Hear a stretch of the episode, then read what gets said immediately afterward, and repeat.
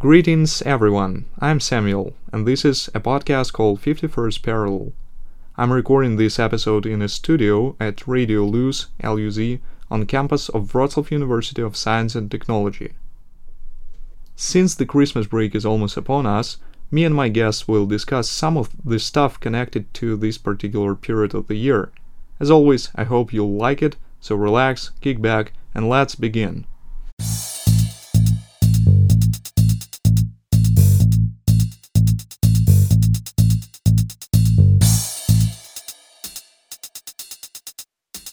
Hello, that's a new episode of the 51st Parallel podcast, and today I have another guest here with me, and it is Kinga. Hi, Kinga. Hi. How are you doing today?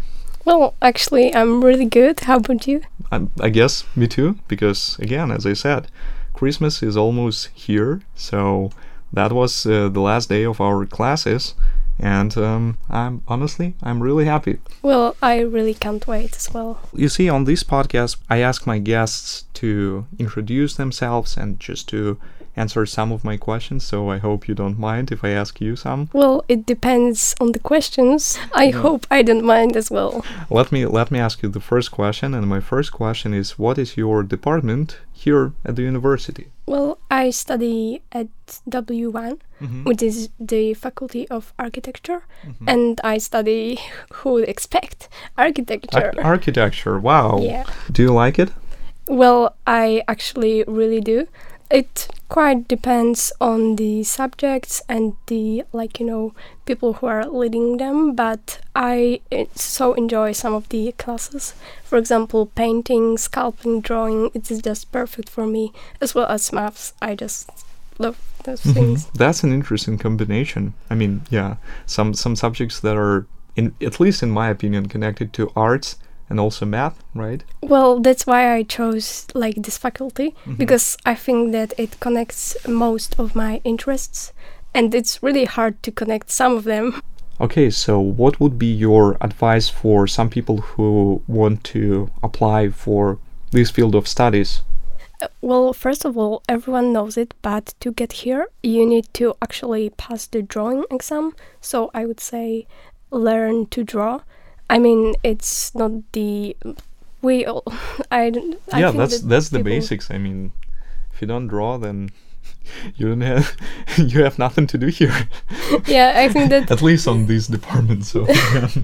I'd say that all people who are choosing this are really used to drawing already, but those are different kinds of drawing. Mhm. So what is what is so different? There are different rules, like As you mentioned, perspective. Yeah, you, you told me a little bit about this earlier. So Yes, because I never used to use perspective in my drawings before, Mhm. but then it proved that there are some rules that you need to know and apply on your exam if you want to pass it. For example, there's one point where every line which is parallel is going, and you need to really stick to it. Also, I'd say that it is quite important to focus on maths and physics because they like you are going to need them in here and like it would be way easier for you if you did it before. And also just try to i don't know get to know the subject before a little bit. For example i uh, actually met with few of the architects and asked them what it looks like. So because it requires a lot of preparation and you don't want to like you know go into something that would cost you this much of effort if you're not sure whether you'll want to do it or not because it would take four years of your life uh, just the first uh, the first degree. Yeah, yeah, yeah. Yeah. This your degree. I wish I met some people from my area, although it is probably a little bit problematic here, but still. what do you study Oh, I study aerospace engineering, so probably it would be a little bit hard to find someone here. possibly still, I- somebody who is Mhm. studying it Yes, might yes, help exactly. because you Mhm. just get the perspective on the years that are going to come in this short period Mhm. of time Yeah, yeah. so- Some some some other students who are older than I am, they can tell me for which which things I, I should prepare myself and yeah, what, what to learn. That's true. That's true. Do you like this uh, university in general? Uh, well, I do, but I wanted to ask you: Do you like your field of study? Yes, I do. I mean, of course, um, there are several reasons why I do. people people are good in my group. So yeah, I mean, I I have some contacts there. There are some some guys I know who are my friends. So yeah, I mean, that's probably that's not the most important factor, but still, that is um, good to have some people around you who you share some common views, let's say, or who are also interested in the same thing that you're interested in. Of course, probably I should make a remark here that I expected it to be a little bit different, but still, I do not regret, so I'm I'm pretty happy with my choice. What did you expect it to be? Uh, well, I expected it to be a little bit more connected to robotics, because the thing is that actually I uh, used to do robotics. My experience is nine years in this field, so actually I participated in some competitions. Some of the, them were successful, and our team occasionally would, you know, win some competitions. Also, we won um, a world competition. That that was very interesting, and um, I just like this field. But also, I have to add that I just like engineering in general. Well, well done. I'm pretty proud of you, I have to say. Thank you. By the way, speaking of uh, just in general our university and Wroclaw, Wroclaw is also a beautiful city. I mean, that's my second year. I'm I'm living here currently because again I'm studying here. So for me, there were some some differences. I would say. I don't remember whether you're from Wroclaw or not. Well, I'm actually not. Mm-hmm. Okay, so was it different for you when you came here, and is it different now? I've visited Wrocław before, and I even lived there for a week. It was connected to uh, some event, and well, it's not that different to me because I still live with my brother, mm-hmm. and it is actually great because it's quite more like home, and because he studies here as well. Oh, okay. So, what is his department? If it is not a secret, of course. Well, it's not. He's studying uh, touristics. Uh-huh. Oh, okay. So it is not not on our university. Mm-hmm. Okay. Does he like it? Well, I think he does. Okay, that's that's good. I mean, as long as everyone is happy, that's that's good, I guess.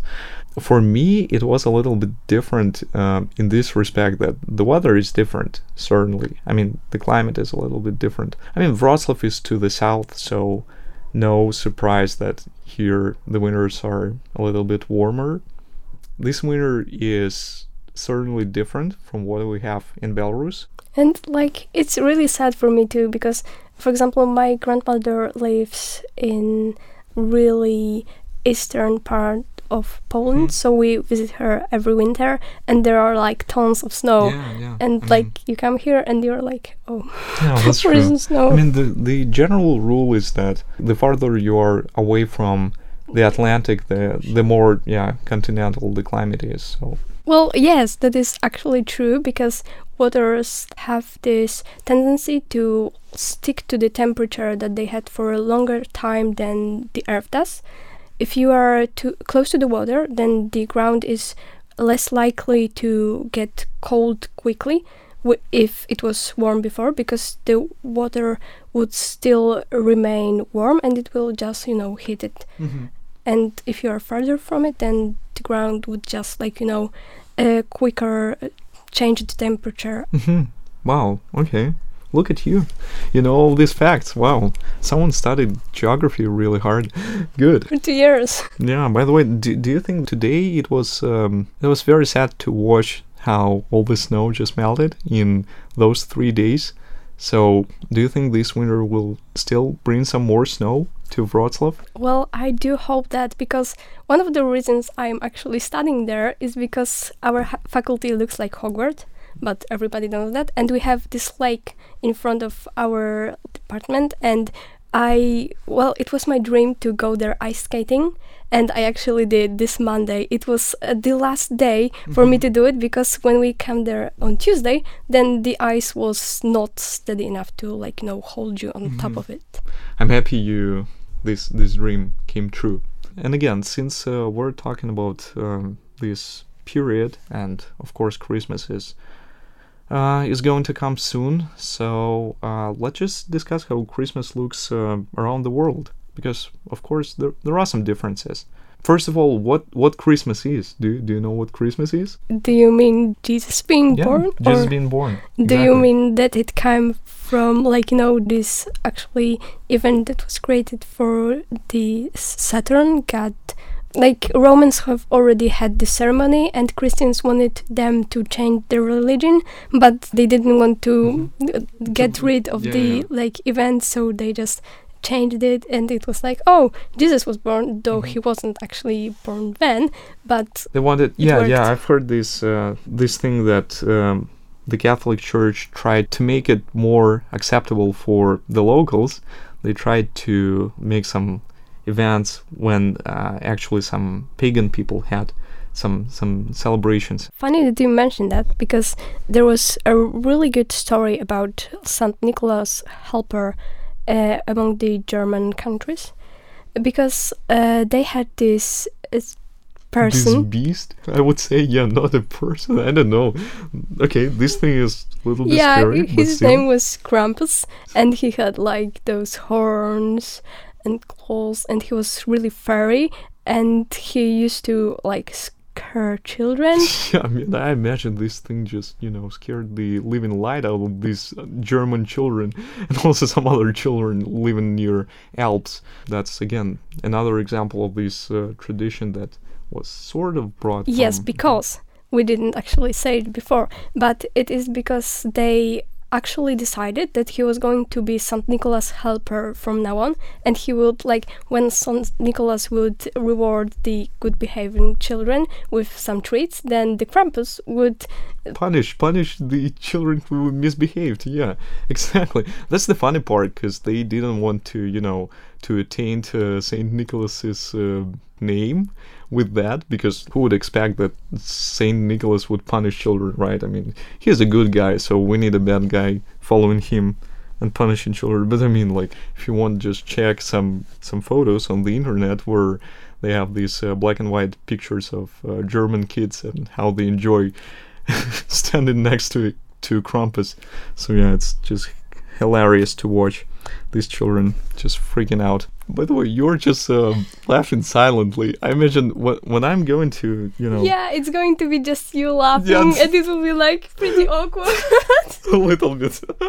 Sorry for that. no, I no, can just okay. like you know you can just take one of my laughs and just put it there every time. yeah, sure. And Probably that's that's what I'm going to do. yeah, they, they Okay, are just just in know. case when when uh, Kinga is laughing, I'll say she is laughing, something like that, because You can just like you know do the pause and then like she was laughing as well. It wasn't only me, and then go on with the podcast. just a side note, she was laughing as well. It wasn't just me. yeah, sure. I'm, I'm not pathetic. anyway, let's uh, let's move to some other parts of the world. And um, I was always interested in how they celebrate Christmas in, for example, in the southern hemisphere, because again, when we have winter here, actually in their like perspective, it is um, the season which is warmer than usual. For example, in Australia, it is uh, quite warm there in this period, and of course, they don't have snow during Christmas, do they?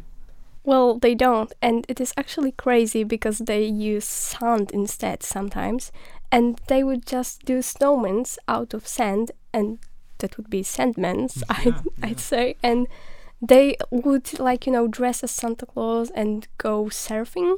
I saw Yeah. those things, and Just crazy. it's actually great how we can all unite in the celebration and everyone is having great time on their own in their home and it is great that like you know you know that you are having perfect time with your family and your close ones and uh, everyone is having this feeling as well and you can just Yeah, just just the period when everyone is, um, at least it seems like everyone is happy, right?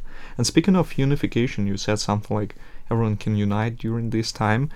Probably we can also mention this uh, weird, in some sense, event what that happened in 1914 Christmas truce.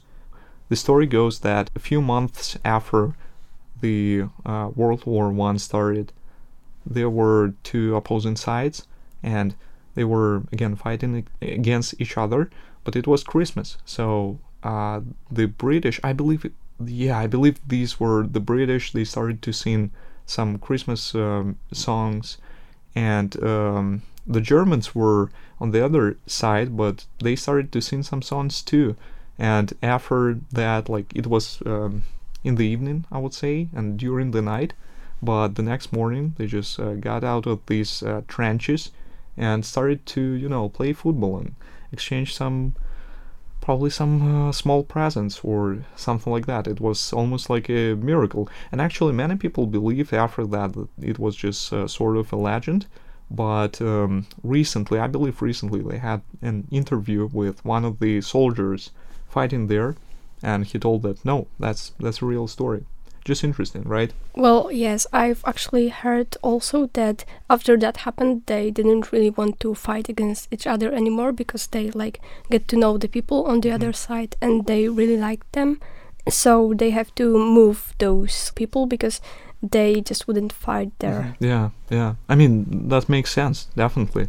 Because when, when you know that on the other side there are also humans and humans you know, it is um, sort of difficult to again to fight against these people, let alone kill them. Interesting story that just shows that um, humans have some some commonalities, and despite the nationality, despite the country. And also, we can mention some events that happened close to you know New Year celebration. Among the events that were pretty big during that time is definitely Y2K bug. What do you think? Do, do you know anything about that? Because if you don't, I can explain. Uh, Could you? yeah, sure.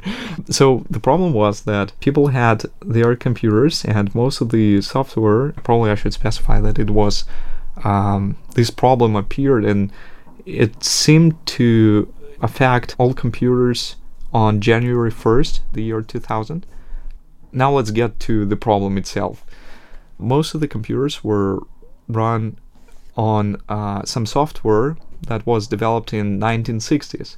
So people back then thought that okay, probably someone will, you know, eventually make something better and change the software. And at the time, they didn't have that much memory as we have now in our computers, phones, some other devices. So they, they were trying to be economical about the amount of memory they spent on different um, different uh, things in their computers. So they decided to store date as in this format where you have uh, date, month, and later you have year, but year only two last digits. Like let's let's say 1965 would be just 65. Probably you can imagine what happens after 1999. It is the year 2000 and it it goes zero zero. And can you imagine like America working like American banking system and uh, many many more areas which which had some computers uh, processing and operating and what would have happened had they not fixed this bug probably it would be you know a disaster. And um, I guess we can we can also uh, see it from this uh, historical perspective and you know learn some lessons even from this uh, remote event because um, as I said, yeah, you, uh, like, King is looking skeptical at me.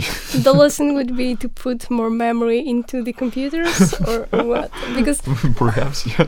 No, no, actually, great lesson to be honest. Like, uh, no, no, no. Um, actually, the how they dealt with uh, this problem it is it is quite interesting because the first uh, person who mentioned that. I, I believe it was somewhere in 1980s or around that time. So he said something like, "Okay, hey, um, probably we should pay attention to that problem because you see, it is it is coming. We still have 20 years." And it that reminds me of you know my preparation for basically every test when you have a week before before your test and you have you sort of have time and you can prepare but you don't. You're just waiting till the last moment. But yeah some some parts of the country took his advice seriously and especially banking system uh, invested some some money in that because again the banking system was run on the computers. So they had to do something about that. Of course um, and um, they started to invest money in that. They changed their banking system, but also some businesses uh, did that. Uh, later, more and more people started to do that, and um, it was mostly because the government uh, ordered them to do that. They said like, "Hey, do that because like we don't know what is going to happen if you don't, so just just do it." And um, probably we, we should also mention that it was mostly um, the problem for America because some other countries didn't rely that heavily on computers. Yeah, but but still, um, there there were some concerns about some missiles, like nuclear missiles, launching accidentally. So America also agreed with Russia that they would send some supervisors to Russia to America to just control the systems to see that no, we're not going to nuke you. So yeah, just don't worry. And uh, that's what they did. And um, overall, it is estimated that America spent more than 100 billion dollars to fix that bug. What happened next was uh, probably the most funny part. That actually, when nothing happened, people, some people were upset about it, and they said like, "Well, you you told us that the world is going to end, so I mean, but nothing happened. So probably they just tried to you know fool us." Of course, I'm not saying that there was no instances of uh, like sort of fooling people and just uh, getting their money because some some of the companies started to print some badges and some stickers uh, which they would put on their uh, products and it, it read something like Y2K compliant or something like that. Probably you can imagine that there is some some some piece of you know electronics which doesn't have data at all, but they would still put this um, sticker there just for people to buy it because again it's compliant y2k compliant and right? people actually fooled for that. yeah some some people did. But i mean it was uh, again the year 2000 and some people actually believe that mm, the world is going to end. So some people prepared for that you know bought some canned food. It is crazy especially especially considering that some people started to buy um, to buy some weapons. And the the most popular one was can you can you guess what? I don't think I can. okay probably uh, if i'm not mistaken it was this um, this weapon which just shoots fire crazy right? I mean that's that's just hard to imagine that they were like okay so the world is going to end. Mm, i don't like my neighbor so probably i should you know prepare if uh, he or she tries to attack me you were just Well, silent i mean you're not saying because anything what am I going to like No, no, I reply to understand that? I'm like shocked. yeah but i mean that's difficult to you know to Yeah, I know. Um, connect the voice no, no, no, expressions to, to, the podcast. yeah, yeah, yeah, because I see you, but the listeners don't see you. So how am I going to explain that? Uh, well, Kinga is shocked, or something like that. well, you could do that. This would be helpful. yeah, maybe sometimes. Anyway, uh, yeah. So that's the story. Uh, do you have anything to add to this um, sort of Christmas uh, slash New Year episode? Well, I just wanted to say that I hope you all who will listen to this would have a great, warm, and like you know, happy Christmas, and that everything would be great for you. hmm yeah, and I I agree, and I also want to wish you a Merry Christmas and of course Happy New Year. And um, yeah, and just in case you're listening after Christmas or New Year, that's not a problem. Just uh, there is um, half a winter ahead of you, so don't worry. Thanks for listening. I I'm really happy I had you on the podcast today. So yeah, thanks for coming. Well, thanks for having me. You're very welcome. And goodbye, everyone. Bye.